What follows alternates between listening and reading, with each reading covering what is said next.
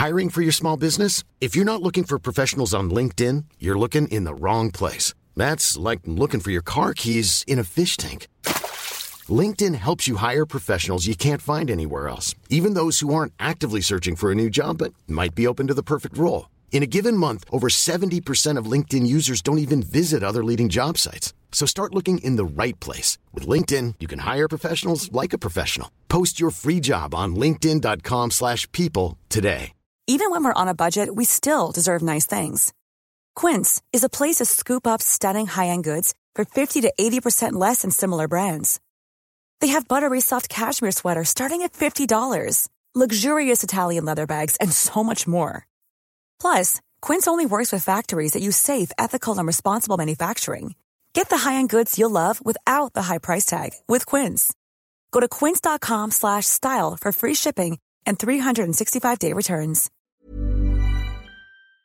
Maar je werd ook gewoon wel als de golden boy gezien. En dan zit je daar opeens op die troon. En dan gaan mensen gaan dan tomaten gooien. Hoe heb je dat ervaren?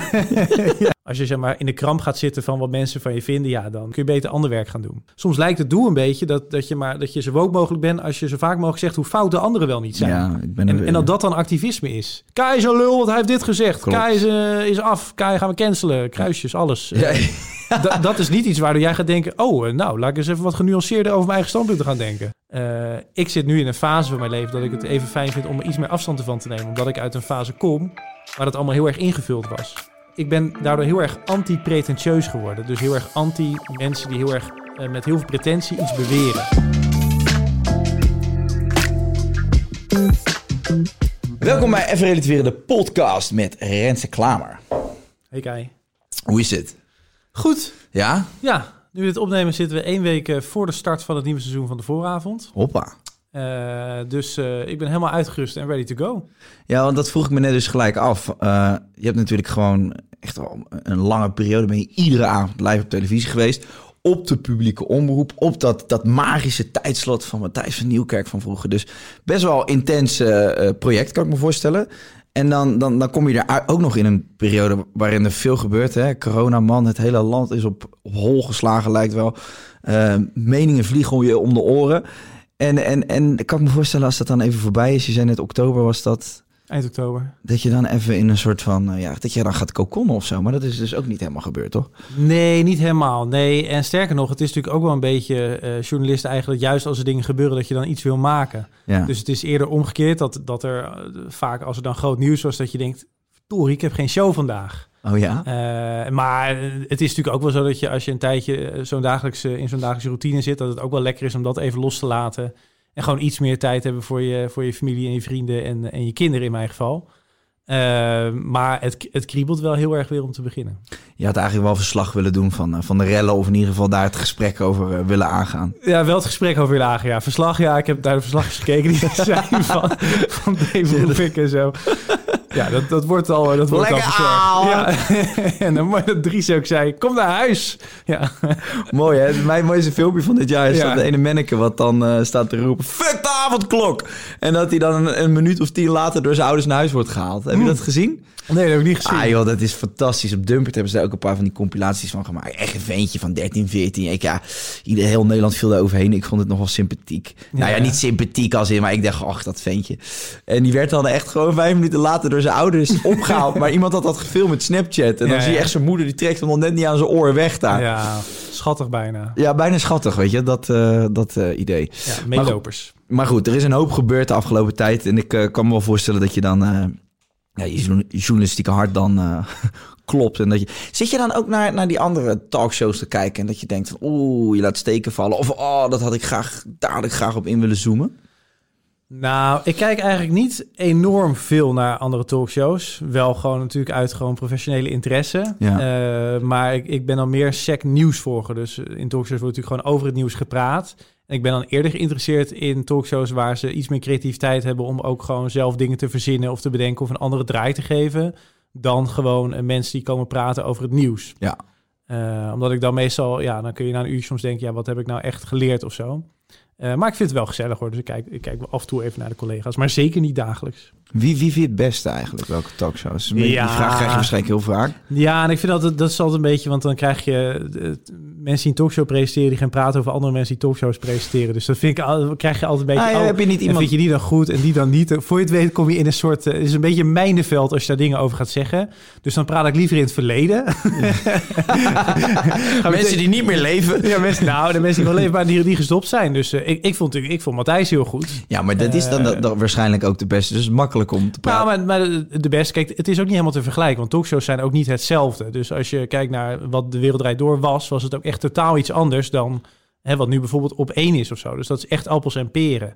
Uh, ook als je kijkt naar de onderwerpkeuzes. Dus uh, uh, wat wij ook doen met de voorraad bijvoorbeeld... is dat we het helemaal niet zo heel veel over corona hebben. Dat je weet dat de, de Diederik Gommers zit weer bij Jinek... en de yeah. Zit weer bij op één. Dus dat wordt al een beetje gedaan. Dus ik vind dat je heel erg als programma moet nadenken... van hoe onderscheid je van de andere programma's... En daarin vond ik de Wereldrijd Door altijd wel een mooi voorbeeld. Dat er heel erg gewoon eigen keuzes werden gemaakt. Absoluut. Ja, dat is ook de armoe van de talkshows op dit moment, vind ik zelf. Persoonlijk als kijker. Ik kijk helemaal niet meer, bijna niet meer. Maar hoe weet je dat dan?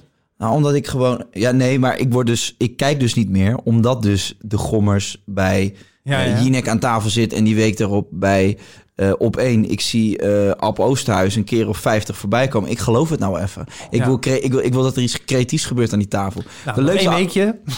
nog één weekje. Dan nog één weekje en dan is de vooravond. Precies. Nee, maar ben je, ben je het daar wel mee eens? Dat we zeker het afgelopen jaar echt wel gewoon coronamoe zijn geworden met z'n allen. En dat dit ook wel een beetje armoe is aan die tafels qua gasten, vond ik. Nou, het is een beetje ja en nee. Uh, ik, kijk, je kunt zeggen voor ieder wat wils. Dus uh, aan het kijkcijfer uh, succes van het programma op één kun je zien dat mensen helemaal niet coronamoe zijn. Maar dat er elke avond nog steeds ongeveer een miljoen mensen daar graag naar kijken. Naar informatie over corona, naar Ab Osterhaus. Ja. Of Ernst Kuivers, of wie dan ook daar nieuwe informatie over heeft. Dan moet dus ik even bedient, uit mijn bubbel stappen, denk ik. Ja, je bedient daar wel een doelgroep mee van dagelijks een miljoen kijkers. Nou ja, knappe YouTuber bijvoorbeeld, als je, als je dat haalt. Uh, Ken jij Monica nog niet? nou, dagelijks een miljoen? Nee, dat, dat is volgens mij alleen... Dat, dat is enorm veel. Dus dat, dat is echt een groot deel van... Of nou, groot deel van de Nederlandse bevolking is overdreven... maar toch een substantieel uh, aantal mensen wat daar graag naar kijkt. Ja. Uh, daarnaast is het ook goed dat er programma's zijn die inderdaad denken... nou, uh, geef mijn portie maar een fikkie. Wij mijden dat corona een beetje. Om weer een andere groep te bedienen. Ja. Maar dat gaan jullie doen, toch? Nou, kijk, ik zou niet zeggen dat we ons nooit over corona gaan... maar het is niet, het, het is niet de rode draad in onze, in onze uitzendingen, nee. Nee. Nou, dat is voor mij dat is positief om te horen. Dank je wel.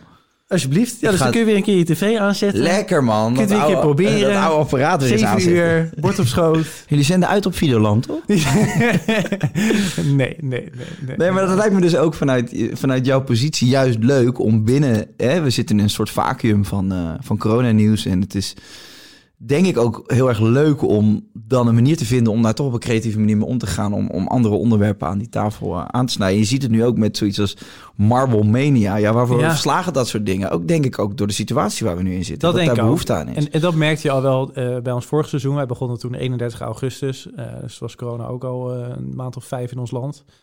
Um, dat mensen heel erg blij zijn als er weer even wat vrolijks te zien is. En als ja. de sfeer een beetje anders is. En als je iets meer lucht ook erin brengt. En natuurlijk mag het af en toe wel erover gaan. Of mag ook iets ernstigs zijn. Maar laten we alsjeblieft ook een beetje proberen vrolijk te blijven. En ja. wat geks te doen af en toe. Ja, absoluut. En alle meninkjes, hè? Het land van de meninkjes. Ja, maar ja, dat, dat, is ook, dat is ook een democratie. Dan heb je heel veel meninkjes. en dat soort meninkjes uh, zorgt dat iedereen zichzelf soms ook een beetje belangrijk vindt. Ja, uh, en dat, soms kom je erachter dat je wel heel erg een mening mag hebben, maar dat je dan toch dat er weinig verandert of dat er niks mee gebeurt. Ja. Maar ja, ik vind het ook wel mooi dat, soms, ja. Kijk, soms zeuren mensen over, ja, je mag ook niks meer zeggen. Nou ja, ik mag, ik mag iets heel erg stelligs deponeren en dan mag jij zeggen dat je het helemaal kut vindt. En, en dan kan ik wel klagen, ik mag het niet meer zeggen. Ik mag het wel zeggen, maar jij mag dat ook zeggen. Mm -hmm. Iedereen mag alles zeggen. En dan gaan we daar weer over klagen. En, zo. Mhm. Mm -hmm. en ja, ik, vind, ik denk, ja. Hoe is het met de meninkjes over jou? Meninkjes over mij? Ja, hoe heb je dat de afgelopen maanden ervaren? Want je positie is toch veranderd. Hè? Je hebt een mooi belangrijk tijdslot. Je volgt dan toch een beetje Matthijs van Nieuwkerk op... terwijl je een heel ander programma hebt. Andere insteek ook wel. Uh, maar toch, er wordt naar je gekeken. En je was ook uh, onbewust, hè, wat daar heb jij niet om gevraagd. Maar je werd ook gewoon wel als de golden boy gezien. En dan zit je daar opeens op die troon. En dan gaan mensen gaan dan tomaten gooien. Hoe heb je dat ervaren? ja. Digitale tomaten. Ja. Nou, kijk, wat, wat scheelt is dat, je, dat het natuurlijk niet zo heel veel publiek leven is. Als in van, er zijn geen festivals en evenementen. Dus je komt niet zo heel veel onder grote groepen mensen. Dus Mm, uh, wat ja. dat betreft valt de aanspraak uh, valt dan wel mee. Eh, digitaal is natuurlijk wel zo. Had jouw jaar moeten zeggen. Ja, nee, nee, maar ik vind het heerlijk. Dat is, wel, ik, daar, dat is eigenlijk het enige waar ik een beetje tegen opzag. Weet je? Ik hou er wel van om lekker naar Lowlands te gaan of zo. Of gewoon Mm. lekker op een terrasje te zitten. Eh, en ik heb wel een beetje meegemaakt toen de restaurants nog open waren. Dat je dan in één keer, ja, dat, dat zul je ook kennen. Dat je dan een beetje onderwerp van gesprek bent in zo'n setting. En dan Ja. denk je, ja, verdorie, ik zit hier gewoon met mensen die ik aardig vind, met wie ik wil kletsen. En ik heb helemaal geen zin dat het tafeltje naast mij dan bezig is met... Oh, ken ik die niet ergens van? Nee. Uh, dus, maar daar heb ik dus eigenlijk relatief weinig mee te maken gehad. Uh, verder de meningjes over mij. Wat een beetje scheelt is dat ik wel daarvoor al best wel veel dingen heb gedaan. Wel op een, een relatief kleiner podium.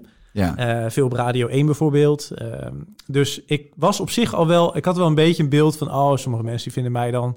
Of een gladianus of, uh, of arrogant of bedwetig. Dus ik weet wel een beetje dan welke hoek kritiek op kan gaan. Ja. En ik vind uh, daar, ja, ik heb ook wel geleerd om daar niet zoveel van aan te trekken. Omdat ik vind als je, als je zeg maar in de kramp gaat zitten van wat mensen van je vinden, ja, dan, de, ja, dan kun je net zo, dan kun je beter ander werk gaan doen. Nee, ja, dan ben je gevangen, ja. Dan, Zeker. Ja. Dus ik weet, als ik iets geks... Ik, ik, ik vind het leuk om af en toe ook wat creativiteit te gebruiken... en dan wat vormpjes te verzinnen die dan... waarvan ik van tevoren al weet dat ook mensen daar helemaal niet blij mee gaan zijn. Uh, maar dan denk ik, ja, fuck it. Ja. Uh, moet ook een beetje lol maken.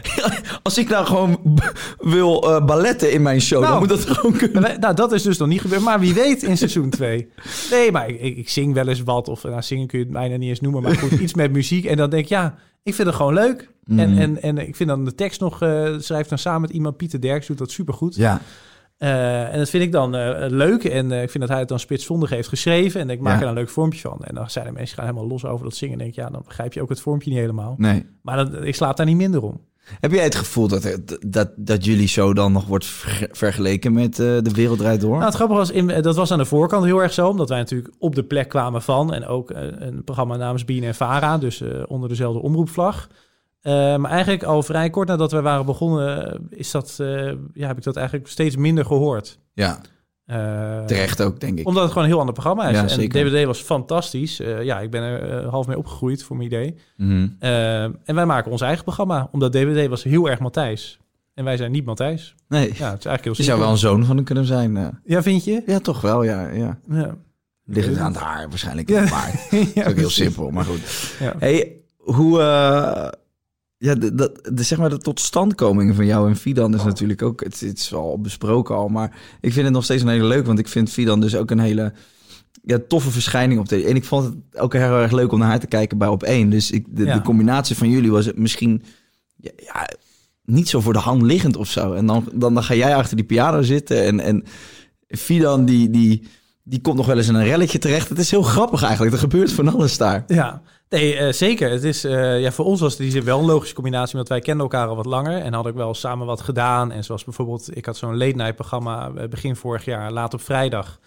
Daar was zij ook bij mij te gast en ik had haar op Radio 1 wel eens gehad en we hadden altijd wel een hele goede klik. Oké. Ehm, en ik kwam wat meer uit, zeg maar, Radio 1, iets meer de traditionele journalistiek. En zij kwam, oorspronkelijk komt ze meer van de redactiekant. Zij heeft vroeger redactie gedaan met Paul Witteman en zo. Eh, maar stond daarnaast inderdaad eh, vooral bekend als tafeldame bij DWDD, flamboyant, eh, Ja. lekker levendige uitspraken. Ja. Maar wij wisten gewoon, ja, ook omdat je als je in een duo gaat stappen en je gaat samen een programma doen, dan moet je wel. Eh, kijk, dat is natuurlijk heel anders. Maar jij, maar jij met Monica, wat expeditie is dat toch? Nee, dat is Temptation. Sorry, Temptation. Maakt niet uit. Dan ben ik meteen betrapt op hoe vaak ik die, die programma's kijk. Nee, ja, ik, Maar, dacht echt ehm, dat jij, jij hoor, ik dacht dat jij echt een Temptation-kijker was. Maar goed, eh, je zal er wel druk hebben. met Soms valt het even tegen. Soms valt het tegen. Eh, maar jullie zijn, ik bedoel, je hoeft niet eens jullie heel goed kennen, jullie zijn gewoon heel anders. En dat is wel fijn in een duo. Ja, ja. Eh, want als je een beetje hetzelfde bent of een beetje dezelfde stijl of aanpak hebt, ja, dan waarom zou je dan met z'n tweeën gaan doen? Dan kun je net zo goed eentje doen. Dus je moet ergens elkaar, er moet iets gebeuren. Klopt. Eh, en dat wist ik al, zeg maar, nog voordat wij eraan begonnen met Fidan. Van nou, als wij dit samen gaan proberen, ik weet in ieder geval zeker, sfeer is goed en er gebeurt vast wel wat. Ja. Eh, dus dat, ja, op die manier is het eigenlijk, vind ik, een hele fijne combinatie. ja, nee, absoluut. Ik, vond hem, ik vind hem ook heel erg leuk. En ik hou ervan als het... eh, ja, als je zit te kijken en dat je denkt, nou, oké, bijzondere combinatie of zo. Dat is Ja. leuk. Het is leuk, het houdt het ook wat spannender. Zeker. En als het, als het gaat om, ik bedoel, ik kan van haar, zij krijgt natuurlijk veel ook meningen over haar, omdat zij schreef hiervoor ook al columns en zat dan inderdaad bij Matthijs als tafeldame. Eh, dus als iemand veel over zich heen krijgt, dan is zij dat wel. Maar ja, goed, ja, meningen, ja, jij zal ze ook een hoop krijgen. Ja, wat, wat, wat- wat vinden mensen je vervelend? Of eh, ja, wat moet je daar nou mee? Word jij daar ook dan aangezien eh, als een soort van... eh, ja, de linker of de rechterhand van Fidan. Dus als, als Fidan bijvoorbeeld bij jullie in de show een uitspraak doet waarover commotie ontstaat, Ja, heb jij het gevoel dat je dat dan ook op je bordje krijgt? Of, of, of Nee, nee? eigenlijk niet. Nee, schuif ik lekker, schuif ik lekker door. zeg ik, dat was ik niet. Ja. Nee, nee, nee, dat valt eigenlijk wel mee. Nee, kijk, soms word je natuurlijk als programma iets verweten. Ja, precies. Eh, dat kan. En dat is dan ook terecht, want eh, ik zat erbij, dus dan... eh, jullie wel eens discussies daarna van uh, Fidan, dat had je echt niet, niet moeten doen? Ik, vond ik vind dat gewoon niet bij ons programma passen. Nou, nee, eigenlijk niet. Nee, omdat uh, BNNVARA vindt het gelukkig ook heel fijn dat het ook dingen soms een beetje op scherp mogen staan. En dat het allemaal niet uh, te braaf en voorspelbaar moet zijn. Uh, anders haal je ook niet Fidan in huis. Nee. Uh, laten we eerlijk zijn. Uh, dat is ook iemand die af en toe gewoon verrassend uit de hoek kan komen. Dat maakt het leven ook wat spannender. Absoluut. Ehm, maar natuurlijk heb je wel eens discussies na afloop van de uitzending. Omdat ja, het is live, dus er gaan altijd ook dingen fout. En, en, en je zegt misschien soms wat met onhandige woorden. dat doen we allebei wel eens.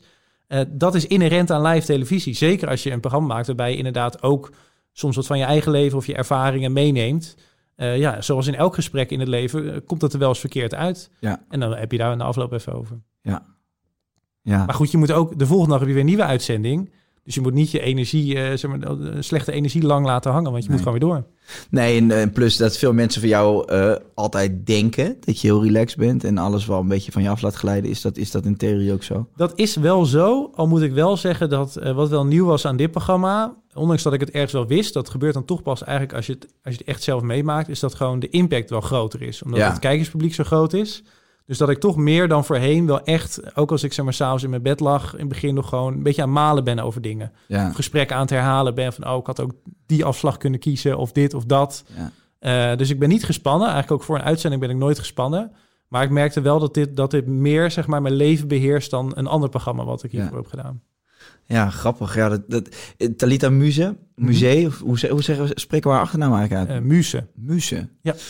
Ze zal blij zijn als ze dit hoort. Ik spreek er namelijk redelijk veel, ook voordat ze op één ging doen al. eh. ja, ja. Ik ook. vind, ik vind het fijn dat zij ook een kritische blik heeft op het coronabeleid. En eh, wij delen daarin best wel vaak dezelfde de mening. En eh, ik was heel erg benieuwd hoe zij dat ging doen ook bij op één. Omdat, ja, je, daar, je wilt toch ook... Zij was best wel uitgesproken op Twitter. En ze wilde ook... Zeker. Dan, dan ben je talkshow, maar je wil ook toch ergens die, die mening wel ventileren... die je al een jaar lang hebt opgebouwd. Zeker over dit onderwerp. En ja, dan zit je daar aan tafel en dan zie je toch hè, dat, dat elk Hiring for your small business? If you're not looking for professionals on LinkedIn, you're looking in the wrong place. That's like looking for your car keys in a fish tank. LinkedIn helps you hire professionals you can't find anywhere else, even those who aren't actively searching for a new job but might be open to the perfect role. In a given month, over 70% of LinkedIn users don't even visit other leading job sites. So start looking in the right place. With LinkedIn, you can hire professionals like a professional. Post your free job on linkedin.com/people slash people today. ja, elk maartje wat je uitspreekt of eh, elke gezichtsuitdrukking komt dan terug op Twitter en, en, en allerlei artikelen de volgende dag. Ja. Eh, dat zal jij ook ervaren hebben. Dat, dat, dat, Zeker, maar het is wel iets anders. Kijk, eh, Talita eh, ken ik in die zin vrij goed, omdat ehm, toen ik na het nieuws deed, het was eigenlijk een heel klein programma wat altijd na het acht uur journaal kwam en verstopt zat op NPO 1 Extra. Nou, Ja. ik denk dat er weinig luisteraars van jou zijn die dat zullen kennen, maar het is een soort themakanaal. Bestaat het nog? Want we kunnen ze allemaal inzappen. Het, het bestaat nog. En het was, was een soort kleine dagelijkse talkshow. En daarbij zochten we heel erg naar een nieuwe generatie opiniemakers en experts, gewoon twintigers, dertigers. En eh, daar hebben we eigenlijk Talita voor het eerst, of, eh, heeft mijn redactie haar soort van gevonden via via en, Ja. en een keer uitgenodigd. Ehm, eh, en toen merkten we al meteen van, nou, dit is inderdaad iemand die heeft gewoon, die heeft echt een duidelijke mening. Ja. en ook wel echt expertise, maar ook echt een mening. En dat vonden we heel fijn. En vanuit daar is ze toen een beetje ook in andere programma's terechtgekomen. En nu zit ze bij op één. Niet dat ik haar succes claim, geen zins. De factuur is weer verstuurd vorige week. Ik heb een, eh, ik heb een titel. Nee, nee, ja, nee. Maar ehm, wat je wel ziet, is zeg maar, mensen zoals zij. Dus dan eh, typeer ik even zeg maar, in de categorie mensen die eh, opiniemakers zijn. Ehm, die zie je zeg maar, in de afgelopen 10, 15 jaar vaak in de media best wel snel gaan. Omdat voor media is het fijn als iemand een duidelijke mening heeft. Omdat dan kun je iemand, kunnen wij iemand lekker in een hokje zetten. Absoluut. Uh, maar je ziet dat dat soort mensen ook steeds meer de afgelopen 10, 15 jaar naar posities zijn doorgestroomd. Inderdaad, van interviewer of talkshow host. En dat daar, dat, dat, dat, dat een beetje verdeeldheid uh, zaait. Omdat heel veel mensen vinden dat als je een mening hebt, dat je dan geen talkshow moet presenteren. Of als je een talkshow presenteert, dat je dan geen mening meer mag hebben. Ja. Ehm, dat vind ik een beetje, ja, een beetje, een beetje raar, omdat eh, Sonja Barend, die door iedereen eh, hè, groot wordt geacht, had een hele duidelijke mening en schroomde niet om die in haar eh, het programma op tafel te leggen. Maar je ziet er wel een beetje twee dingen. Hè? Dus je hebt Talita Muse, maar je hebt ook natuurlijk Jort Kelder, Sander Schimmelpenninck die dat deed. Je heeft er geen mening, Sander? Nee, amper. Wat leuk zou zijn van Sander is als hij bijvoorbeeld iets... Ik heb een paar keer tegen hem gezegd, misschien is het leuk als jij met Twitter begint. Maar dat vindt hij niks, Twitter. Eh, dat, eh, dat zou ik hem ook niet aanraden. Ik denk dat het voor hem heel gevaarlijk wordt als hij veel op Twitter gaat zitten. Dat hij Oh, heel veel man. krijgt. Ik denk dat hij daar veel te veel uren van zijn dag aan besteedt. Ongekend, al die Twitter-ruzies, waar hou je de tijd vandaan? Ja, maar het grappige is wel, dus eh, je hebt die mensen die dan die eigenlijk een talkshow presenteren met een mening. en ik vraag me soms wel eens af, ik vind, ik vind het niet erg. Ik vind het een leuke aanvulling op, op zeg maar het aanbod wat er is. Maar kijk, je kunt een beetje, het is een beetje potato potato. Dus Ja. bij bijvoorbeeld een Matthijs van Nieuwkerk weet je nooit precies wat hij vindt. Maar het is ook wel leuk dat je een beetje door de jaren heen zo, als je een beetje je best doet, wel een beetje zijn voorkeuren leert kennen. En sommige zijn wel heel duidelijk, hè, Charles als naar voren en dat soort dingen. Eh, Jeroen Pauw evenzo, uh, ook niet heel uitgesproken, terwijl over sommige dingen, uh, een, beetje, een beetje cynisch over religie, uh, mm. weet je, ga je wel langzaam iemand een beetje kennen. En ik denk dus, ik ben iets meer, ik ben iets minder, zeg maar, meteen een open boek. Uh, dus iets meer van die school inderdaad dan van de Jort Kelders, Sander Schimmelpennings, Talita Muse. Uh, maar ik vind dat wel een, uh, ook een fijne aanvulling. Maar het is ook gevaarlijk, dat, dat zie je met, met, met bijvoorbeeld een Sander. Je, kijk, journalistiek gezien wil je eigenlijk dat de talkshow-host inderdaad in het midden blijft. En niet te veel zijn mening, zijn of ja. haar mening laat doorschemen, vind ik. Maar als talkshow-host, als je gewoon puur naar, naar de entertainmentwaarde van een talkshow kijkt, dan wil ik dat juist wel. En dan vind ik het dus wel heel fijn als ik naar Jort kijk, dat ik weet wanneer die aangaat. Ja. En dat ik ook wel weet, als ik zie dat er een bepaalde gast aanschuift, dan denk ik, mm, dat zou wel eens een beetje kunnen gaan schuren vanavond. En dat is wat ik wel, wel eens mis. Ik, ik hou van vuurwerk aan die tafels. Ik vind het lekkerste als, als je gewoon voelt van, oeh, er zitten twee mensen die zijn het totaal niet met elkaar eens. Mm -hmm. Dat maakt het wel spannend. Het is spannend Zeker. televisie. Ja, terwijl je dan ook weer altijd commentaar krijgt. Want als je dus inderdaad twee tegenpolen aan tafel zet voor een gesprekje van acht minuten. Ja.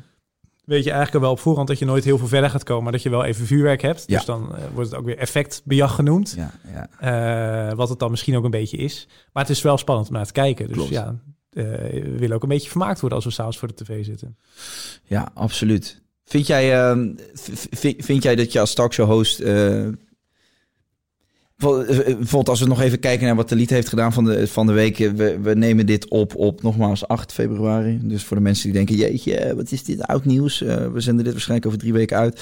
8 februari, het was van volgens mij vorige week het nieuws. Talita had gereageerd op Twitter over een aflevering van Op 1. En daar ja, had ze ja. iemand een, een loser ja. genoemd. Uh, iemand, volgens mij iemand, iemand uh, wie was het van de Herman Pleij. Ja, en die had ze een loser genoemd. Wat, hoe, hoe jij naar die situatie? Nou, ik denk dat uh, voor Talita en, en elke andere talkshow host ooit die er gaat beginnen, die inderdaad uh, van, van de, laat maar even de school Jort Kelder noemen dan, uh, is dat je er inderdaad erachter gaat komen dat zodra je die plek inneemt, dat je woorden wel anders worden gewogen dan voor die tijd. Ja. omdat ja, je bent in één keer wel medemaker van het programma. En in haar geval natuurlijk ook nog twitteren ze dat over haar eigen programma. uh, alleen omdat het elke dag een andere presentatie heeft, was het dan niet haar eigen uitzending. Anders zou het wel heel raar zijn natuurlijk ja, als ze de gast uit haar eigen uitzending ging recenseren op Twitter. Tijdens de aflevering gewoon live twitteren. Dat is de volgende stap. Ja. Dat is de volgende stap. Um, ja, en het, dat is een beetje een spanningsveld. Kijk, want ze zoeken dus wel ook bewust blijkbaar, uh, dat vul ik maar even in, maar anders zet je haar niet op die plek. Mensen die een beetje het randje opzoeken en een mening geven. Ja, dan is dit ook wat je krijgt. Dus mm -hmm. uh, denk ja, het, het zou het ook niet helemaal uh, bij haar vinden passen als dan in één keer op Twitter helemaal stil ging zijn. Hetzelfde ja. als natuurlijk met Sander. Ja, nee, klopt. Ze moeten wel zijn wie ze zijn. En Sander is op een gegeven moment achtergekomen. Ja, ik vind dat toch te veel gedoe bleven of te veel conflicteren. Nou, uh, misschien dat zij op een gegeven moment hetzelfde ervaart. Misschien dat zij er helemaal geen last van heeft. dat moet de tijd gaan uitwijzen. Ik vind het wel spannend om een beetje zo van de zijlijn te volgen. Absoluut. Houdt het wel interessant. Um, was het altijd je droom wat je nu doet? De vooravond, is dat, kun je dat beschrijven als de droom die je had? Of? Uh, nou, wel de, wat een recentere droom. Uh, de, kijk, vroeger wilde ik F-16-piloot worden. Uh, dat, is, dat is niet gelukt. Ik heb het ook niet echt geprobeerd eigenlijk. Op LinkedIn staat dat je dat ernaast doet nog. Ja, staat dat echt? Oké. Okay. On the site. ja, dat zou wel tof zijn. Nee, ik geloof... Destijds las ik toen dat je dan meer dan de helft van het jaar weg zou zijn van huis als je dat zou doen. En Oh, toen dacht ja. ik, ja, oké, misschien heb ik ook wel kinderen en is dat misschien niet zo handig. Dus heb ik het weer een beetje laten varen. Toen nog overwogen, wil ik dan uh, uh, gewoon een piloot worden? Leek mij dan een beetje saai, gewoon al die lijnvluchten, denk ik. Ja? Ja, dat is een beetje buschauffeur. Wat, Wat me wel tof lijkt, is zo'n zo'n zo'n eh, als je zo die kleine vliegtuigjes voor privévluchtjes doet, dat lijkt me top. Dat kan je Nee, dat is wel leuk. Maar ik vergelijk het met een buschauffeur. Maar kijk, bu- wat me nog leuk lijkt aan buschauffeurs... is dat je best wel contact hebt met de mensen die in je voertuig zitten. En eh, in ieder geval bij die lijnvluchten, als je piloot bent... ja, dan zit je in zo'n cabine en, je, en de stewardessen doen alle, alle welkom.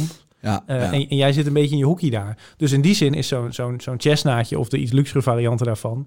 dat zou nog best gezellig zijn. Want dan Ja. ben je in ieder geval met een klein clubje mensen. ja, en ik denk ook dat je bijzondere mensen tegenkomt dan. Ja, en ik wil ook nog wel, ik zou nog wel een pilotenbrevet willen halen in de toekomst. Ik heb sowieso echt een fascinatie met vliegen, alles Oh, wat vliegen. gek. Ik heb ook paragliden, wel eens een cursus gedaan. Ja. Eh, dus ja, dat, dat lijkt me echt gek. Maar goed, die droom, als in van wat wil ik worden, is een beetje, dat is een beetje weggevaagd. Ehm, en toen ik na een studie uiteindelijk in de, in de journalistiek belandde, min of meer, want ik heb geen journalistiek gestudeerd. eh, toen was het op een gegeven moment wel zo dat ik dacht, oké, nou, ik, ik merkte, ik vind Radio 1 heel leuk, want eh, het is best wel generalistisch, dus het is niet zo van je moet maar één onderwerp pakken. Dat, ik merkte, dat past best wel bij mij. En je mag grenzeloos nieuwsgierig zijn, brutaal, je mag iedereen alles vragen. Eh, en dan is natuurlijk wel in die categorie programma's, denk ik wel, ja, wat is dan in ieder geval niet per se het hoogst haalbare, maar wel hetgene waar je het meeste impact hebt, wat ook tof is om eens mee te maken. Dat is natuurlijk wel een primetime talkshow. Ja, Ik had natuurlijk niet verwacht dat dat eh, zou gebeuren toen ik 31 was. nee. Eh, eerder misschien eh 40 als, de, als die kans ooit is zou Ja. komen. Eh, dus het kwam een beetje vroeg en vrij plots. Eh, maar je hoort mij niet klagen. En hoe is het dan in praktijk? Verschrikkelijk. Hoe is het dan in praktijk? Karen? ik wil niet meer. Ik wil gewoon lekker vliegen. Nee, ja, eh, ja het, is, eh, het is alles tegelijk. Dus het is heel heftig vanwege die impact. En omdat je inderdaad er nog mee in je, in je hoofd ligt te malen s'avonds. Eerst wat je doet als je wakker wordt, is denken... wat zit er in het programma? Wat moet er nog beter? Wat moet ik nog lezen? Wat moet ik nog kijken? Ehm, maar het is ook te gek. Ja, Eh, omdat wat voor mij te gek is, ik deed dus eh, veel Radio 1. Wat dan, daar zit ook zeker creativiteit in, maar het is toch in de basis meer gewoon interviewen. Eh, daarnaast had ik dus vorig jaar dat programma wat ik zelf samen met de einddirecteur had bedacht en gemaakt, Laat op Vrijdag. Wat iets meer, beetje entertainment, meer human interest, beetje gezellig was. Dat vond ik ook echt heel leuk om te doen, met publiek erbij. Mhm. Ehm, daar begon ik ook met die ellendige liedjes. Ehm, en eigenlijk dacht ik van, ik zou nu, toen ik dat deed, dus toen deed ik de nieuwsbv op Radio 1 en later vrijdag op NPO 1, dacht ik, ik zou niks van dit willen missen, want ik vind het allebei te gek, beide kanten. En toen kwam deze kans en kijk, juist dat 7 uur slot, zoals dat dan wordt genoemd, dus het programma om 7 uur op NPO 1, daar wordt dit gevraagd, dat je en journalistiek bent, maar dat er ook iets in zit van vrolijkheid, van creativiteit, van Ja. dingen uit durven proberen. Dus eigenlijk is zeg maar, dit programma voor mij wel de ultieme mix. Mhm. eh, voor nou, ik denk, ja, hier kan ik, hier kan ik echt nog wel eh, lang mee vooruit. Ja. Ja, gaaf eigenlijk als je het zo beschrijft. Je kunt gewoon vandaag eens bedenken en morgen is het op de buis. Ja, Of vanavond nog. Ja, Ja. Dat, is, dat is toch, eh, ja, nou, dat is uniek. is toch fantastisch? Ja, dat is heel gaaf. Absoluut, zeker. Geinig, ja, dat carrière, hoe carrières lopen. Ben jij altijd een, een, een- nou ja, eigenlijk niet, want je wilde piloot worden. Ben je een planner geweest van dit alles? Nou, nee, ik, wat wel zo is, eh, en dat heeft ook een beetje te maken met eh, het- het- de rode draad van meningen. Wat ik wel merkte is toen ik eh, dus een jaar of tien geleden een beetje begon met radio maken en zo. En, en programma's, eh, dan programma's bedacht om te maken. Is dat er best wel heel erg gestuurd werd op ehm, wat is dan jouw missie? Ja. Wat wil jij dan maken? Want eh, dat was de tijd van, nou, of dat was nog wel later, maar Jan wordt vader. Dus iedereen had een missie, weet je, onze man in Teheran. En dus bij elke presentator zocht ze eigenlijk een beetje, maar wat is dan jouw ding? En dan ging je dat dan doen en dan ben je voor de komende tien jaar, is dat dan jouw labeltje? Ja, en dan wordt het misschien ook een beetje geforceerd. Ja, misschien. Of de, eh, ja, dat, dat kan. Dat kan zeker. In ieder geval dacht ik van ja, ik heb niet één zo'n missie. Eh, en ik wil eigenlijk niet opgesloten raken in, in, in één zo'n hokje. Ooit werkte ik in een, eh, in een winkel, was een soort dumpachtige zaak. Kleding, wat stoere Ja. dingen, tenten, dat soort dingen. En ze hadden ook leren jassen. En toen mijn eerste weekend daar, was bijbaantje in het weekend... ehm, hadden ze de lams leren jassen achterin. En los van wat je daarvan vindt, allemaal met dieren en zo. Toen was dat Mm. nog een beetje normaal. Ehm, en eigenlijk was de uitdaging voor elke rookie die daar begon... van ga jij eerst maar eens een weekend op de leren jas staan. Want die dingen die kosten 500, 600 euro per stuk. Dus als daar een paar van verkocht werd, nou, dan Ja. was, het, eh, was het feest in het huis. Eh, dus ik ging daar het eerste weekend, moest ik daar staan. En toen had ik drie van die jas of zo verkocht. En toen dacht ik, leuk, nu mag ik meer. Wat gebeurde er? De manager zei, jij staat voorlopig Ja. op de leren jassen. dacht ik, ja, potverdorie, dat was niet mijn bedoeling. Nee. En dat is een beetje... Jij wilde naar de kapmessen en eh, Ja, de lege boots. De leuke dingetjes. Eh, dus dat is een beetje, als je zeg maar één ding gaat doen en, en dan dat werkt dan een beetje, dan word je ook een, vaak een beetje opgesloten in dat genre. En dus daar wilde ik een beetje voor waken. Dat, dat is dan als nadeel dat mensen soms zeggen, ja oké, maar wat is dan echt jouw dingetje of zo? Eh, maar het fijne is dat je dan wel, als je dat beetje dat algemene profiel kunt houden, dat je dan inderdaad voor, voor Radio 1 en, en ook voor zo'n programma als dit, eh, dat, je, dat je dan nou ja, de rol kunt invullen zoals ik hem nu invul. Dat is ook goed voor je eigen ontwikkeling en uh, droom te blijven vernieuwen. Is dat je, dat je niet lui wordt in een trucje. Zeker. En, nee, en, dat, en, dat, je altijd een open blik blijft houden. Dus dat. Ja. Kijk, en ik heb natuurlijk ook meningen, maar die meningen die veranderen ook wel eens. Omdat ik altijd open wil blijven staan voor nieuwe argumenten, voor, voor nieuwe visies, voor nieuwe onderzoeken, nieuwe uitleg. Uh, voor iemand anders die er compleet anders in staat. Uh, en ik vind zeg maar, dat ook heel fijn om mee te nemen in het programma. Dat, dat we een beetje een open blik hebben. Daar is Filan overigens ook heel erg van. Dat wij niet in die zin altijd heel erg een, een kamp willen kiezen of zo. Uh, omdat je wil ook nieuwsgierig blijven. Ik denk dat dat heel verstandig is. Zeker in een, in, in een maatschappij waar wij toch al heel erg in hokjes denken. Maar ook gewoon uh, in de media zie je dat veel terugkomen. Het is heel fijn als we jou als kijker in een hokje kunnen duwen. En dan weten we ook in welk programma, aan welke tafel we jou moeten zetten. En wat we dan kunnen verwachten. Weet ja, je, dat, dat is hoe je toch een beetje ja, gaandeweg als je een aantal jaar bezig bent in de media. Eh, probeer daar dan nog maar eens vanaf te komen. Ik denk ja. dat best wel veel mensen daar tegenaan lopen. Dus ik vind het slim en knap ook wel dat je daar nu al bewust van bent. Thanks. Ja, nee, en, het is, en er wordt gewoon, nou, niet alleen maar, maar soms krijg je het gevoel dat er bijna alleen maar in hokjes wordt gedacht. Ook over inderdaad, of het nou BNNVARA is of de NPO als geheel. Ja. Uh, uh, er wordt van alles op je gelegd, terwijl ik altijd denk, ja, uh, heb je wel een beetje onderzocht wat je nu zegt? Of heb je ook een soort, heb je een soort argumentatie? Ja. Er wordt heel veel meegeluld met, met mensen. En ik denk altijd, ja, jongens, ja, maar dat merk je, merk je nu ook in, in dat hele links-rechts gelul, politiek gezien. Weet je wat? Het is allemaal zo lekker om iemand een link, in, in de linkerhoek te kunnen duwen of in de rechterhoek. Ik word er een beetje moe van dat alles allemaal een stempel moet krijgen. Het, dat, dat werkt ook helemaal niet zo. Ja, het is in uh, Barack Obama zei dat uh, één of twee jaar geleden of zo mooi over dat, het woke-activisme. Ja. Uh, terwijl ik denk alle mensen die zichzelf woke noemen en, en activist, dat zijn allemaal mensen die echt de beste voor hebben met de mensheid en heus wel goede dingen willen. Maar soms lijkt het doel een beetje dat, dat je maar dat je zo woke mogelijk bent als je zo vaak mogelijk zegt hoe fout de anderen wel niet zijn. Ja, ik ben en, en dat dat dan activisme is. Ja. Uh, en toen zei hij ook, ja, zo simpel is het niet. Uh, want uh, iemand die iets fouts doet, kan tegelijkertijd een hele goede vader zijn. Of het, het is gewoon niet zwart-wit. Nee. Mensen zijn grijs.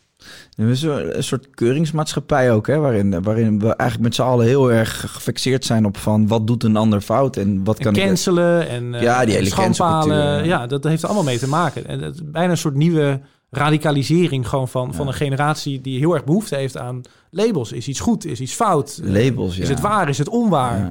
Ja. Dat is dus wel, heel, dat is, dit is wel, moet je daar echt wel voor op, oppassen. Ik vind het een hele gevaarlijke ontwikkeling, omdat juist, uh, ik ben het met, uh, met best wel veel mensen in mijn, in mijn omgeving over heel veel dingen ben ik het niet eens. Weet je wel, de, het afgelopen jaar praat je natuurlijk veel over het coronabeleid en de aanpak daarvan. En dan kom je echt wel eens in heftige discussies terecht met mensen die ik al gewoon heel lang ken. Ja. Maar ik vind het dan toch altijd wel weer prettig om dat gewoon op een leuke, fijne manier af te sluiten en te zeggen van, nou, wij komen er over dit onderwerp, gaan wij er niet uitkomen. Maar ja. dat maakt ook niet uit, want wij kijken blijkbaar naar andere schermen. Zeker. Hè? En dat, dat, is ook, dat is ook iets van deze tijd. En, maar daar moet je wel bij kunnen neerleggen en zeggen van, oké, okay, op dit onderwerp gaan wij er niet uitkomen. Maar nee. ik vind jou, ik plaats jou daardoor niet in het verdomhoekje. Want ja, prima dat jij een andere mening hebt. Ja, en dat is mooi. Want ik denk juist ook dat. En natuurlijk kun je op een gegeven moment agree to disagree. En dat zou ook vaak gebeuren. Maar ik denk wel dat als er bij jou of bij die andere verandering begint, dan begint het vaak bij zo'n ontmoeting. Omdat ja. je denkt, hé, hey, maar dat is Kai, die vind ik aardig, die ken ik al. Uh, hey, ik ben toch dan eens nieuwsgierig waarom hij er anders over denkt. Ja, ja. En ik denk dat daar veel eerder verandering begint dan wanneer iemand zegt... Kai is een lul, want hij heeft dit gezegd. Klopt. Kai is, uh, is af. Kai gaan we cancelen. Kruisjes, alles. Ja. Uh, dat is niet iets waardoor jij gaat denken... oh, nou, laat ik eens even wat genuanceerder over mijn eigen standpunten gaan denken. Nee. Dan denk je, wat een marolen. Nee. Daar wil ik niks mee te maken hebben. Dus ik denk, verandering van denken begint ook juist bij gewoon ontmoeten en het gesprek aangaan. En, ja, en plus dat ik denk dat wij allemaal uh, helemaal niet zo heel ver van elkaar afstaan in heel veel dingen. Alleen we zijn op een bepaalde manier geconditioneerd en we kijken op een bepaalde manier naar dingen. En we zoeken ook, we zoeken ook ja, stukjes informatie die aansluiten bij onze denkpatronen. Uh, en, en, maar in die end denk ik dat heel veel mensen die denken nu lijnrecht tegenover elkaar te zijn, best wel heel erg dicht naar elkaar zouden toekomen. Als ze dat soort bepaalde conditioneringen los zouden laten. Het is een beetje, uh, uh, en het is, want als ik nu uh, terugdenk aan dit gesprek nu, dan, dan kan het misschien lijken alsof ik een soort uh, verdediger ben van, van de krant en de publieke omroep. En ja, de mainstream maar, media. Maar dat komt omdat Rutte je Maar ja, dat heeft er wel mee te maken. Dat klopt. En dat ik mijn programma kwijt ben als, als ik niet zijn tekstboek uitvoer. Maar los daarvan is eigenlijk is gewoon mijn boodschap. En dat is dan nu, omdat we het hebben over het mainstream publieke omroep en mening, is altijd gewoon blijf kritisch. En blijf vooral kritisch, niet alleen op de ander, maar ook op jezelf en de groep waar je zelf toe behoort. Ja. Ehm, dus om nog maar eens een keer mijn EO-tijd aan te halen. Wat ik altijd sterk vond daar journalistiek, is dat, dat ze eh, toen er misbruik was in de kerken, of dat is er helaas heel altijd geweest, maar toen daar veel aandacht voor was, dat zij daar juist ook programma's over gingen maken en dat zij dat aandacht gaven. En denk ik, dat is dus, dat vind ik een goede instelling voor een omroep, maar ook voor elk mens. Dat je dus eh, kritisch blijft, niet alleen inderdaad op de overheid, maar ook op, eh, als je hem aanhangt, uh, Thierry Baudet, ook op Willem Engel, ook op wie dan ook, uit je eigen clubpie, dat je altijd wat diegene wil zeggen, ook, hé, hey, maar zou die er ook belang bij kunnen hebben om iets te zeggen? En natuurlijk, reken maar dat Rutte er belang bij heeft om dingen te zeggen. En dat, en dat electora electoraal belang meetelt. En dat er soms dingen een beetje worden verzwegen. En daar moeten we absoluut heel kritisch op zijn. Uh, maar dat geldt ook voor jouw eigen clubpie. Of voor viruswaanzin. Of voor welke andere groepering je ook aanhangt. Er zijn altijd belangetjes. Er zijn altijd mensen met egootjes. Die dingen verzwijgen. Die dingen willen bereiken. Die ambitie uh, verwarren met, met wat goed zou zijn. Uh, dus die kritische blik moet ook vooral gelden voor het clubje waar je jezelf toe vindt behoren. Nou ja, absoluut. Maar je moet, dat, is, dat is volgens mij de key gewoon. Je blijft afwegen. Maar ja, ik, ik geloof ik, ik, vind het, ik vind het gewoon heel interessant om die informatie van alle kanten op te vreten. En dan, dan te kijken wat dat met me doet. En ik, ik, ik durf wel heel erg te vertrouwen op mijn onderbuikgevoel. Maar ik probeer ook niet mijn mening bij mensen door een strot te duwen. Ik heb een Instagram wel gebruikt om. Uh, op vaak op, toch een sarcastische, cynische toon. Want ik wil het nooit te zwaar maken. wil altijd een beetje met humor naar blijven kijken. Ja, ja. Om de maatregelen gewoon wel, om mensen ook te laten nadenken over, over wat heeft dit voor een impact. En wat staat het nog in verhouding tot. Hè? Ja, heel goed, want Als je kijkt naar de gigantisch de impact. En daarom vond ik ook zo had ik ook zo'n uh, op dat gebied een goede klik met Talita. Omdat ik fijn vond dat zij ook een andere kant belichten. Uh, al gaat het alleen al om de depressies en het aantal uh, uitgestelde operaties. Nou, noem het maar op. Verschrikkelijk. Gisteravond, ja, nu we dit opnemen, zat Tinkerbell, de kunstenares bij Humberto. Ja. met een verhaal over, over eigen misbruik vroeger in haar gezin. bij haarzelf helaas. in alle gevallen helaas natuurlijk. En dat dat nu, hè, dat, dat, die, uh, dat de meldingen daarvan stijgen. Uh, omdat mensen, kinderen meer binnen huis zitten en ouders ook meer thuiswerken en die stress. Dus ik denk, als je op een rijtje zet. Ik las van uh, dit weekend in de Volkskrant, heb je dat misschien ook gezien, huisartsen over wat ze allemaal tegenkomen in hun praktijk. Van meldingen, pubers die die eigenlijk heel vrolijk in het leven stonden en zich nu helemaal verloren waren. Maar die heb ik in mijn vriendengroep, hè? Dat is echt, en dat, doet, dat is echt geen grap. Ja, nee, ik, dus, het is echt heel erg. Ja, dat geloof ik. Ja, dat, is, en, en ik zou niet weten wat je die tegen... Ja, je kunt ze niet zo heel veel perspectief bieden nu. Dus het is, dat is mega lastig en mega heftig. Dus ik snap heel goed dat mensen vanuit zo'n optiek denken... fuck die regels. Wanneer is nou een keer afgelopen? Ja. Nee, klopt. En, maar dus, dus dat, ik heb dat geprobeerd uh, het afgelopen jaar om, om, om die kant te belichten. Ook omdat ik voelde dat het, hè, nogmaals, mijn perspectief uh, perceptie van hoe ik uh, ja, gewoon heb gekeken naar de media afgelopen jaar. Ik vond dat het te weinig aan bod kwam. Uh, en dus ik heb dat wel op mijn Instagram veel gedeeld. Maar ik, ik probeer daarin ook wel, ik had laatst ook, ik heb altijd hele leuke discussies met Kees van de Spek. Die is totaal niet met mij eens. Ja. Wij hebben dus echt gewoon, dat is niet normaal. Je dat, dat, dat, die appgesprekken tussen ons, die ga ik gewoon een keer uitprinten over tien jaar of zo. Ja, dan ga ik een boek van maken. Wij zijn totaal niet maar wij sluiten dan altijd af met van je blijft mijn maat of weet je wel. Ja, Omdat maar wij kijken er zo anders naar. En ik voel ook echt af en toe wel tijdens die appgesprekken een soort van... Pff, dat ik hem gewoon bij zijn hoofd wil pakken en wakker wil schudden. Maar dat wil hij ook bij mij. Ja, ja. Dan zeggen we altijd inderdaad aan het eind van zo'n gesprek van... ja, weet je wel, agree to disagree. Van laat maar. We gaan er op deze manier niet uitkomen. Maar ik, ik probeer ook wel echt mezelf bewust... Oké, okay, Kai, jij kan dit wel zo sterk voelen. En jij kan wel zo op dit moment in die emoties zitten. Maar probeer dat niet bij mensen door een strot te drukken. Ja. Nou, ik denk als, als, als heel veel mensen dat zouden doen, zou, zou het land al een heel stukje mooier worden. Ja. Dan gaan we dit onderwerp ook gewoon lekker afsluiten. Over hokjes gesproken. Ja. je, bent, uh, je bent natuurlijk gelogen en er wordt vaak aan jou gevraagd volgens oh, mij van... Aanname, aanname. Ja, dat is, is dat een aanname? Ja, waarom, waarom denk je dat?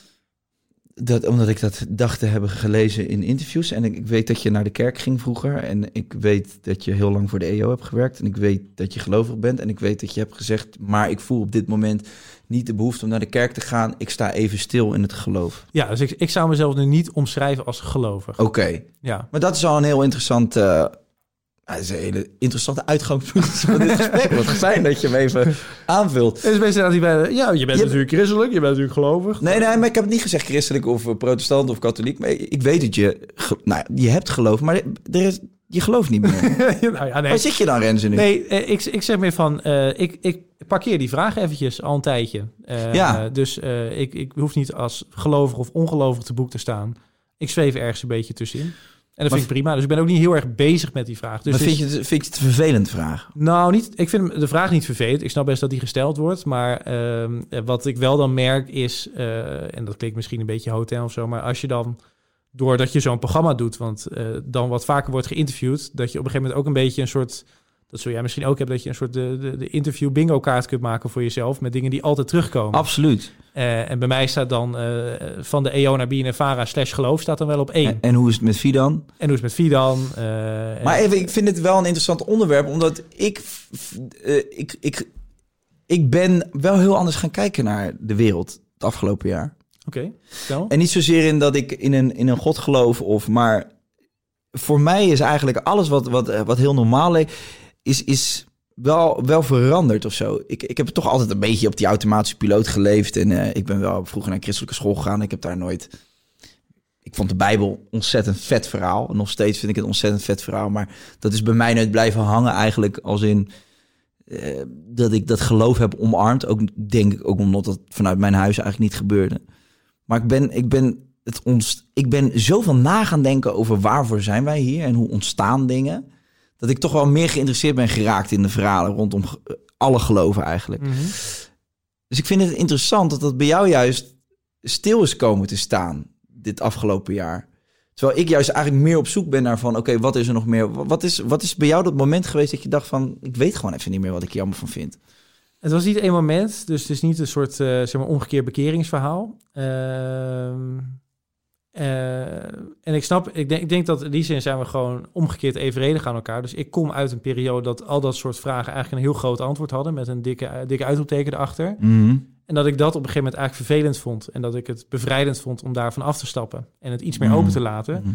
Terwijl ik me best kan voorstellen als dat altijd een beetje open is geweest. En dat je op een gegeven moment denkt, ja, maar eh, nu wil ik wel eens wat, wat antwoorden en wat Ja. zoeken. Dat je dan gaat zoeken naar, oké, maar zou dat voor mij een antwoord kunnen zijn? Ja. Of zou dat iets kunnen zijn waar ik in geloof of waar ik, waar ik eh, affiniteit mee voel? Ja, absoluut. Eh, terwijl inderdaad, eh, ja, dingen gaan volgens mij vaak in golfbewegingen. Dus net als de generatie na de hippies, die wilde regels en daarna wil je daar weer los van zetten. Ik zit nu in een fase van mijn leven dat ik het even fijn vind om er iets meer afstand ervan te nemen. Omdat ik uit een fase kom waar het allemaal heel erg ingevuld was. Ja. Eh, en jij zit dan misschien net weer in die andere golf, dat je denkt, hey, ik zou wel eens wat Ja. willen om vast te pakken en waar ik me dan waar ik me aan vast kan houden. Of wat mij iets geeft of hoop of Ja, vertrouwen. klopt. Ja, maar daar, daarom vond ik het wel interessant om te kijken hoe jij erin stond. Want het, bij mij... eh, ik zat laatst ook die documentaire te kijken, I Survived Dead, op, eh, op Netflix. Over mensen die een bijna doodervaring hebben gehad. Ja, Dat vind ik zo interessant. ja. Ja, dat is Het, het. en het hogere bewustzijn. Ik ben, ik ben echt ziekelijk gefascineerd ook door buitenaards leven en zo. Oh ja. Ik vind dat zulke mooie onderwerpen. En dus Ja. bij mij dit jaar heeft dat wel een soort van extra pump gekregen of zo. Omdat, Ja, maar misschien ook omdat je allemaal even stil bent komen te staan. Voor mij zijn die vragen ineens, die kwamen ineens ploep, ploep, ploep. ja. Dat vind ik super interessant. Ik ben ook bezig met meditatie en ik, ik begin me steeds meer te verdiepen in hogere bewustzijn. En eh, ik, vind dat heel, ik vind dat heel interessant. En dat En heb je dan iets of een, of een bepaalde stroming of iets waarvan je denkt, hé, hey, maar dat zou dat wil ik dan aan gaan hangen? Of blijft Nee, ik ben juist. Nee, nee, ik ben op, op- geïnteresseerd in alles. Ja, ja. Ik vind boeddhisme interessant, maar ik vind het geloof ook interessant. Ik ben ook weer. Ja, ik merk dat best wel veel dingen elkaar ergens kruisen, maar net een andere benaming hebben of zo. Ja, En, en dat vind ik dus leuk. En dat heb ik nooit echt geweten. ja, ja. En ik ben niet zozeer op zoek naar een geloof of zo, waar ik dan aan wil vasthouden. Maar ik merk wel dat de vragen die ook in het geloof een belangrijke rol spelen, voor mij ook een belangrijkere rol zijn gaan spelen dit jaar. ja. En, eh, En biedt het je dan iets dat je daar meer mee bezig bent? Dat je eh, meer zingeving ervaart? Of dat je. nou ja, dat ik wat minder op Twitter zit. Nou, dat lijkt me al een heel goed resultaat. Nee, biedt het me wat. Ja. Nou, ik, ik denk dat het, dat, het, dat het fijn is dat... eh, wat ik gewoon een prettig idee vind... is dat, dat er zoveel meer is dan wij ons nu kunnen beseffen. Ja, En ik merk dat als ik het heel aards benader... dus dat wij ons hier allemaal zo druk zitten te maken om heel veel dingen. ja, ja. Maar dat, er is gewoon zoveel meer. En wat dat dan precies is, daar heb ik niet direct het antwoord op. ja. Maar ik vind het wel een prettig idee dat daar dat, dat, dat, dat je ziel ooit nog doorgaat of dat er andere vormen zijn van leven buiten dit wat wij Ja, nu ja. kennen en weten en ervaren. ja. En dat vind ik heel erg leuk. Wat grappig. Omdat, eh, of grappig niet als in dat ik erom moet lachen, maar... eh, lach je maar nou uit? ja, precies. Ik stel me ook kwetsbaar op hier, dan ja. krijg ik Nee, dit. Ik vind het tof dat je zegt, omdat ehm, eigenlijk dat je, wat je zegt van nou, er is nog zoveel wat we eigenlijk wat we niet weten en misschien wel helemaal niet kunnen weten. Ja. En, en het is leuk om daar een beetje te gaan onderzoeken. En eigenlijk die houding. eh, kijk, toen ik vroeger naar de kerk ging, eh, zeker als kind, zat ik in een kerk waar het gewoon waar mensen echt het idee hadden, wij weten hoe het zit. Wij hebben het antwoord op de grote vragen. Zo zit het en niet anders. En ik vond al vrij snel, toen ik wat meer opgroeide, vond ik dat heel pretentieus. Ja, En daar komt eigenlijk de instelling, die, eh, en misschien komt het soms een beetje narrig over of zo, eh, als ik, het, als ik elke keer kritisch ergens op inga, dit gesprek. Maar eh, ik ben daardoor heel erg anti-pretentieus geworden. Dus heel erg anti-mensen die heel erg met heel veel pretentie iets beweren. ja, Omdat dat is zeg maar waar ik mee ben opgegroeid en dat is eigenlijk ook waar ik afstand van wilde nemen. Niet zozeer, eh, dan gaat het uiteindelijk niet eens om de vraag, is er wel of niet een God? Die laat ik even in het midden. Maar het feit dat er zoveel mensen waren die precies beweerden te weten hoe het zat. En dat Ja. ik dat heel vervelend vond. Omdat ik denk, wat, hoe arrogant moet je zijn om te denken... ik heb de waarheid en de rest heeft ongelijk. Eh, en, en dat is zeg maar in mijn leven een soort iets geworden... waar ik me dan een beetje tegen afzet. En ook een beetje een soort fundament onder, onder mijn journalistieke ambitie. Eh, dat je denkt, als iemand wat, wat roept... denk ik, ja, wie stelt moet bewijzen, anders moet je, moet je niet zo hard roepen. Ja. Eh, ja. Dat vind ik heel goed. dus, dus juist na het, wat, wat jij nu beschrijft met, nou, ik, ik kom erachter, er is zoveel wat we niet weten. Denk, ja, maar dat, volgens mij is dat dus eigenlijk heel vaak zo. Er is zoveel wat we niet weten, of er ligt zoveel in het midden. Eh, er is zoveel, zijn zoveel grijstinten en nuances en mensen zitten zo ingewikkeld in elkaar. eh, dat, je, dat ik heel erg wil oppassen voordat ik met heel veel stelligheid dingen roep over iemand of over iets. Nee, ik denk, en ik denk dat dat heel goed is. Ik denk dat dat de wereld sowieso wat mooier zou maken als meerdere mensen dat zouden doen. Nou ja, in ieder geval in het geval van kerken denk ik, omdat, en die kerken zijn er gelukkig ook hoor, maar dat, omdat je merkt als mensen wel heel pretentieus worden en een eigen waarheid gaan verabsoluteren, eh, of iemand aanhangen die dat doet, dat je, dat je hele eh, nare of vervelende eh gemeenschap of communities of partijen of wat dan ook Maar, maar, maar niks menselijk is ons vreemd. Ik bedoel, van, als je het vanuit de spirituele kant benadert. Hè, je hebt nu een soort van die New Agers die heel erg bezig zijn met meditatie en non-dualiteit. En ehm, ja, dat soort aspecten. En, en het eh beheersend ego. Dat komt dan ook, rolt ook een beetje bij het boeddhisme vandaan. Dan zie je uiteindelijk ook dat er spirituele leiders zijn. eh, die, die een rol aannemen. Die eigenlijk haak staat op alles wat ze. De mensen die ze volgen leren. Ja, ja. Ju- waar juist het ego gigantisch is en waar juist de aanbidding en zo. Dus ik vind, het, ik, ik, ik vind het leuk om overal kruimels van te pakken. Ja. En dan te kijken van waar kom je uit. Dat is weer hetzelfde als, als wat ik doe eigenlijk met die, met die coronadiscussie. En oké, ja, de overheid zegt dit, prima. Wacht Ja. maar eens even. Oh, hier zitten de mensen die beweren dat alles fake is. Oké, en dat heb ik nu. Ik merk nu dat ik dat ook met, met dat soort grote levensvragen heb. En dat is bij mij ontstaan dit jaar, omdat ik voorheen gewoon lekker op die automatische piloot zat. Ja, ik was gewoon een twintiger die gewoon een leuk leventje had. En die gewoon ieder jaar op vakantie wilde, een beetje achter de meiden aan. Feestje hier en daar. En voor de rest had ik niet zo heel veel eisen. En ik merk nu dat dat, ja, eigenlijk wat er wereldwijd gaande is, mij in een soort positie heeft gebracht van. eh, Oei, oké, hier zit ik dan. Ja, ja, ja.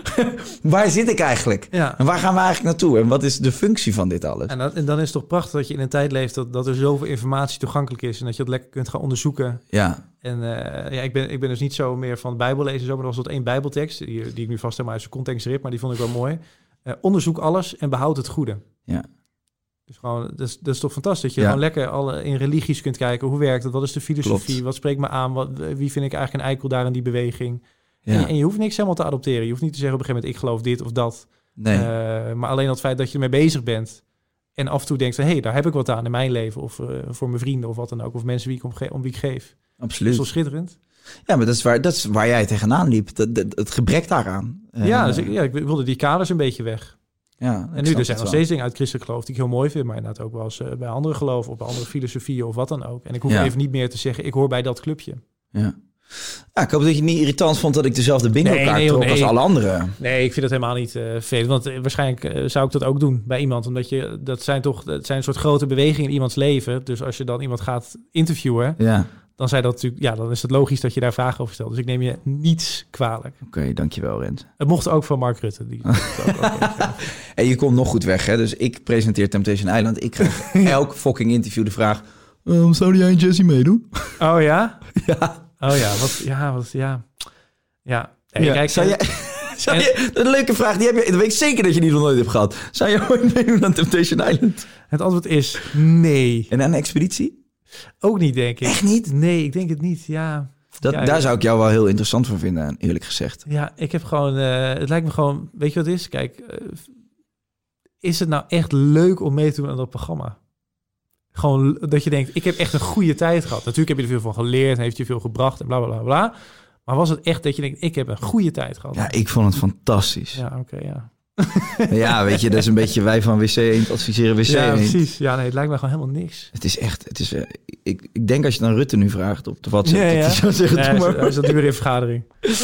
Nee, ja, ik zou, dat, eh, ik zou jou daar wel aan mee willen zien doen. Ja. Ik denk dat je het heel gaaf vindt. Ik denk dat ik nee zou zeggen. Je bent, eh, je bent nog vrijgezel nu, toch? Ja. Of niet? Of is dat ook een aanname? Nou, zeker een aanname. Nee, ik heb... Ik is heb die ook van de bingo kaart? Eh, het- het- hoe is het liefdesleven? Eh, die is zeker van de bingo-kaart, ja. Ja. ja. ik merk vooral inderdaad als ik gewoon eh, op Instagram, niet dat ik daar zo actief ben, maar een Q&A'tje of zo doe, dat veel vragen daarover gaan. En ik heb eigenlijk besloten, ik zeg, ik blijf vrijgezel totdat ik zelf zeg dat het anders is. En of Ja. het dan echt zo is, dat weet je dan eigenlijk nooit. Ja, Maar ik heb eigenlijk besloten van, ik scherm dat gedeelte van mijn leven, ga ik even lekker een beetje zou ik, afschermen. wel, zou ik wel doen, ja. Eh, jij hebt natuurlijk met iemand die daar ook een publiek profiel heeft, dus dan is dat, dan is dat misschien de grens wat lager om, dat, om daar open over te zijn. Maar ik, ik, was heel, ik was dus in het begin altijd heel open toen ik vrijgezel was. En Ja, echt, eh, Telisa kent toevallig ook, Ja, die heeft mij echt wel gewoon op een gegeven moment... Jij gaat even stoppen met eh, interviews. En ik, bij de Linda, daar, ja, daar, was ik vrijgezel. En dan werd gevraagd, hoe, hoe ziet het liefdesleven eruit? Ja, Ik was wel flink aan het rouwen in die periode, weet Ja, je wel. En ja. dan vertelde ik dat altijd de geuren en kleuren. En Ja. dan, ja, op een gegeven moment was dat echt een stempeltje die, waar ik ook moeilijk vanaf kwam. Dus Ja. ik ben daar ook wel voorzichtig in geworden. Nou, het vervelende is, want volgens mij ben jij gewoon ook een hele aardige, sympathieke kerel. En dan is gewoon je neiging als iemand je een vraag stelt, dat je antwoord geeft. En dat je, Ja. als je iemand aardig vindt, dan denk je, ja, wat kan het kwaad? Je ziet er aardig uit, ik vertrouw je wel. Eh, alleen dat je ook op een gegeven moment gaat beseffen, ja, maar ik heb dat nu tegen jou verteld. En straks staat het voor de rest van mijn leven op internet. En als mensen op mijn naam gaan googlen, gaan ze dat vinden. En dan eh, hebben ze ook nog een, een vervelende kop erbij gekozen. En dat kan ik niet meer uitwissen. ja. Eh, en eh, nou ja, dat heb ik ook wel meegemaakt met bepaalde dingen in mijn leven. Dus dat ik nu denk, oké, maar alles wat een beetje privé is en waar ik niet noodzakelijkwijs nodig voor vind dat iedereen het weet, denk ik, nou, dat scherm ik een beetje af. Snap ik. Wat is een stempel waar je niet meer vanaf komt? Eh, nou, kijk, op zich waar ik niet meer van afkom. eh, bij mij zijn meestal twee dingen nu, als je, als je eh, dat zou opzoeken, is meestal EO-tijd. Op zich, dat is ook gewoon onderdeel van mijn geschiedenis. En dat ik gescheiden ben, daar worden vaak veel vragen over gesteld. Eh, en dan heb ik ook... Hoe is dat eigenlijk gekomen dat die vraag... Nee, maar... Ik, Oh, ik- wel ja. nee, nee, nee, niet, niet hoe je wil stellen. ja. Nee, maar gewoon even, want ik bedoel, ja, je bent gescheiden en dat gebeurt meer in Nederland. En eh, ik snap dat dat ergens eh, een, interessante vraag is. Maar hoe, hoe, hoe is dat zo'n ding geworden? Hoe- Nou, eh, precies hierdoor, doordat mensen vaak naar vragen. En doordat ik dan in het begin denk, nou, ik vind jou een leuke gast. En waarom zou ik eigenlijk... Ik heb ook op zich, nou, natuurlijk heb je dingen over te verbergen. Als in, dat is niet voor iedereen om eh, tot in de detail eh, open boeken over te geven. Maar eh, ik kan er best iets over zeggen, denk je dan. En dan wordt dat wordt dan de kop van een artikel. Of dat Ja. eh, staat dan bovenaan. Dus elke keer vind je eigenlijk uit een lang gesprek... vind je dat dan als soort hoofdbestanddeel terug. En op een gegeven moment denk je, ja, dag... eh, eh, ik ben dat niet. Ik ben, Ja. ik, ik ben niet beperkt tot dat onderdeel van mijn leven. Eh, dus dan op een gegeven moment beslis je, oké, nou, ik ben een beetje klaar mee om daarover te praten. Ik kan Ja. bijvoorbeeld, eh, hoe heet die, eh Roel van Velsen, die heeft zo'n scheidingspodcast. En die vroeg dan een keer of ik daarin wilde. Ik dacht, nou, ik zou best wel met Roel van Velsen een keer over mijn scheiding willen praten. Of Ja. over zijn scheiding en, en hoe dat allemaal gaat. Maar ik heb eigenlijk gewoon niet zo meer behoefte dat iemand er daarna gaat luisteren. Nee, nee, dat snap ik. dus ja, dat is een beetje inderdaad een afweging van wat laat je van jezelf zien en wat hou je lekker voor jezelf. En voor mij valt zeg maar het kopje liefde in de zin van romantische liefde, heb ik daar nu een beetje onder geschaard. Ja, maar ik denk ook wel, je bent, ja, hè, in dit vak ben je gewoon nog jong. En ik denk ook dat dat Zeker. iets is wat je nu geleerd hebt. En eh, wat je niet, dat, ja, dat, dat, dat moet je ook een beetje Je moet door schade en schande een beetje wijs worden. Echt, hè? Ja. Absoluut. hey, eh, ik ben heel erg blij dat jij hier naartoe bent gekomen. Nou, eh, met alle liefde en plezier. Ja, fijn, eh, fijn een keer te ontmoeten. Leuk gesprek. Eh, hoop ik dat jij het ook vond. Ik vond het heel leuk, ja. Want ik, ik bedoel, ik wist, ik wist natuurlijk van jouw bestaan af. Maar eh, we, we- verder, ondanks dat we een beetje dezelfde leeftijd zijn... en in de media actief zijn... eigenlijk totaal langs elkaar heen een beetje doorontwikkeld We zitten in onze eigen bubbels. We zitten in onze eigen Hè? bubbel, ja. Jij in die knijter commerciële bubbel. Ik word helemaal niet uitgenodigd bij die publieke omroep. ja, vinden en mij ik in de, spreekpop van Mark Rutte bubbel. nou ja, goed. Zo, zo volgen we allebei een beetje ons doel. Ja, maar nee, maar het, toch, het was een magisch moment dat we toch eh, ja, het stukje dichter bij elkaar zijn gekomen. Ja, nee, ik heb wel, eh, kijk met plezier naar dingetjes die je maakt. Ik vind, vind wel, dat wil ik nog even vragen, want Eh, je bent natuurlijk dan, ja, dus dit is ook een cliché misschien. Maar ik zag, je hebt al je oude YouTube-video's gewist. Ja, klopt. Waarom? Nou, omdat ik op een gegeven moment... ehm, ik begon met de podcastserie Even Relativeren. En ik had eigenlijk twee jaar lang helemaal niks meer gedaan op mijn YouTube-kanaal. Ja, ja. En ik heb een hele bewuste keuze gemaakt dat ik eigenlijk... Instagram is voor de gekkigheid. Omdat ik dat, dat is gewoon, dat platform leent zich ook gewoon technisch gezien veel beter voor wat ik daar wil doen. ja. En het grootste gedeelte van mijn volgers zit daar ook gewoon op. Scrollend op het toilet. En wil gewoon gekkigheid zien. En ik vind het leuk, want ik, die, ik heb die kant. Poepen met Kai. Ja, we poepen met Kai. Ja, dat is een mooi format. Ja. Misschien dat ik bij de gedaan. publieke omroep ooit nog een keer aan de bak kom. Tijdslot 7 uur ga. ja. Eh, maar de, dus, dus dat, dat, en maar ik, heb ook, ik vind het ook heel erg leuk om mensen te leren kennen en een, een, een gesprek te hebben en wat dieper te gaan. Dat is een beetje, klinkt al een beetje cliché. ja, ja. Maar ik wilde dat op twee verschillende platforms. En ik had dat YouTube-kanaal eigenlijk nog open. En daar deed ik ook eigenlijk keistypetjes. Toen dacht ik, hmm, ik ga dat scheiden. Instagram wordt de plek voor de typetjes en de gekkigheid. En ik wil YouTube eigenlijk gewoon inrichten voor een andere kant. Ja, ja. Maar ook zo dat je dus alles wat daar vindbaar was, dat wilde je ook daar niet meer vindbaar hebben. Ja, dat, er stonden filmpjes van zes, zeven jaar geleden op. En ik dacht op een gegeven moment wel van... nee, ik vind het wel lekker om dit even helemaal opnieuw in te richten. Nieuwe banner, even relativeren. Dat is gewoon nu het YouTube-kanaal. Ja. Anders zit je naar een, een podcast met, eh, met jou te kijken... en dan staat er daarnaast een filmpje van zeven jaar geleden... met een aardappel opgenomen. Ja, ik vond het gewoon... eh Dan klopt het niet meer. dan klopt het niet meer. Ja. Dus nee, dit, eh, Nee, dus ik heb dat bewust eh, van elkaar gescheiden. Dus En je heb hebt het gemerkt, hè? Hier, het is echt eh Nee, dus eh, man, ik heb zweetoksels en ja, Ja, je wordt hier, je wordt hier ik word hier doorgezaagd. ja. Hey, Nee, ik vond het echt een mooi gesprek. Oké, leuk, leuk om te horen. En mocht, je, mocht je Fidan nog spreken, ze is ook van harte welkom. Zeg maar gewoon, het valt echt mee. Ik zal het zeker doorgaan. ik, zie, ik zie die morgenochtend. Leuk. Ja, heel veel succes trouwens. Ik denk als dit wordt uitgezonden, ben je weer begonnen. Ja, elke avond 7 uur, NPO 1 op die oude televisie bij je Hoppa. vadermoeder. Dat eenzijdige nieuws. Ja, precies. Nee, maar ik, misschien is dat wel een goede uitdaging voor mensen. Als, als ze zo'n mening hebben, en die mag je natuurlijk hebben, want je mag alles vinden in dit land. Maar ga eens kijken of je het ook kunt staven met, met, met feit. Dus ga eens gewoon een week dan televisie kijken. De verschillende programma's, verschillende zenders van de publieke omroep. En kijk dan of je echt na een week nog precies hetzelfde denkt. Maar stel je voor dat ze daarvan overtuigd zijn. Kunnen ze jou dan mailen met van... Kijk, Renze, ik heb het, ik heb het gedaan wat je Ja, zei. dat zou ik best interessant vinden, ja. En mogen ze dan ook bij je... Dat zou wel interessant zijn. Mogen ze dan ook bij je aan tafel Ja, zeggen van... eh, hey, hey, hallo, hey. Nu kan ik me altijd verschuilen. We zijn een team, dus ik Ja. kan niet in mijn eentje eh, dat soort dingen beslissen. maar ik, ik, eh, ik bedoel, het gaat, omdat het gaat ook niet om mij. Dat gaat meer om die mensen zelf. Dat je kijkt. En als, als het dan blijkt kloppen wat je vindt, nou prima. Maar dan kun je het in ieder geval beweren. En ook als iemand vraagt, ja, maar is dat nou echt zo? Zeggen ja, want ik heb een week gekeken. En op NPO 2 was dit. En op 1, 3, 3 dat. En ik heb het geturfd en dit Mhm. en dat enzovoort. Dan kun je in ieder geval een beetje met, met, eh, met een klein beetje pretentie dan eh, Ja. iets stellig beweren. Nou, mocht jij dat vinden... En, en, en je hebt tijd over. Ik zou zeggen, maak er een, eh, een Pak die afstandsbediening. Pak die afstandsbediening, begin te turven, maak grafiekjes en ja, go get them. Ja. Dames en heren, bedankt voor het luisteren en het kijken. Vergeet niet te abonneren, het helezelfde riedeltje. Je kent het allemaal wel. Dank jullie wel en Renze, jou ook bedankt. Tot ziens! Thanks man.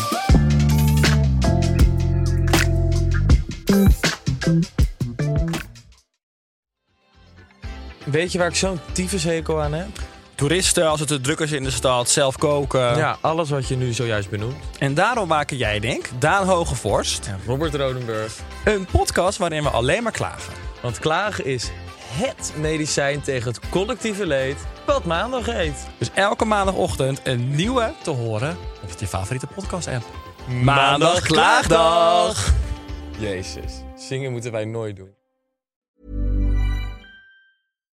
If you're looking for plump lips that last, you need to know about Juvederm lip fillers. With Juvederm Volbella XC and Juvederm Ultra XC, your lip look, whether it's subtle or bold, can last up to one full year with optimal treatment and no additional maintenance. Find a licensed specialist and see if it's right for you at juvederm.com today. That's J U V E D E R M.com. Add fullness to lips in adults over 21 with Juvederm Volbella XC or Juvederm Ultra XC. Do not use if you have severe allergies or a history of severe allergic reactions, or if you're allergic to lidocaine or the proteins used in Juvederm. Tell your doctor if you have a history of scarring or taking medicines that decrease the body's immune response or that can prolong bleeding. Common side effects include injection site redness, swelling, pain, tenderness, firmness, lumps, bumps, bruising, discoloration, or itching. As with all fillers, there's a rare risk of unintentional injection into a blood vessel, which can cause vision abnormalities, blindness, stroke, temporary scabs, or scarring. For full important safety information, visit juvederm.com. Even when we're on a budget, we still deserve nice things. Quince is a place to scoop up stunning high-end goods for 50 to 80% less than similar brands. They have buttery soft cashmere sweaters starting at $50, luxurious Italian leather bags, and so much more. Plus, Quince only works with factories that use safe, ethical, and responsible manufacturing. Get the high-end goods you'll love without the high price tag with Quince. Go to quince.com slash style for free shipping and 365-day returns.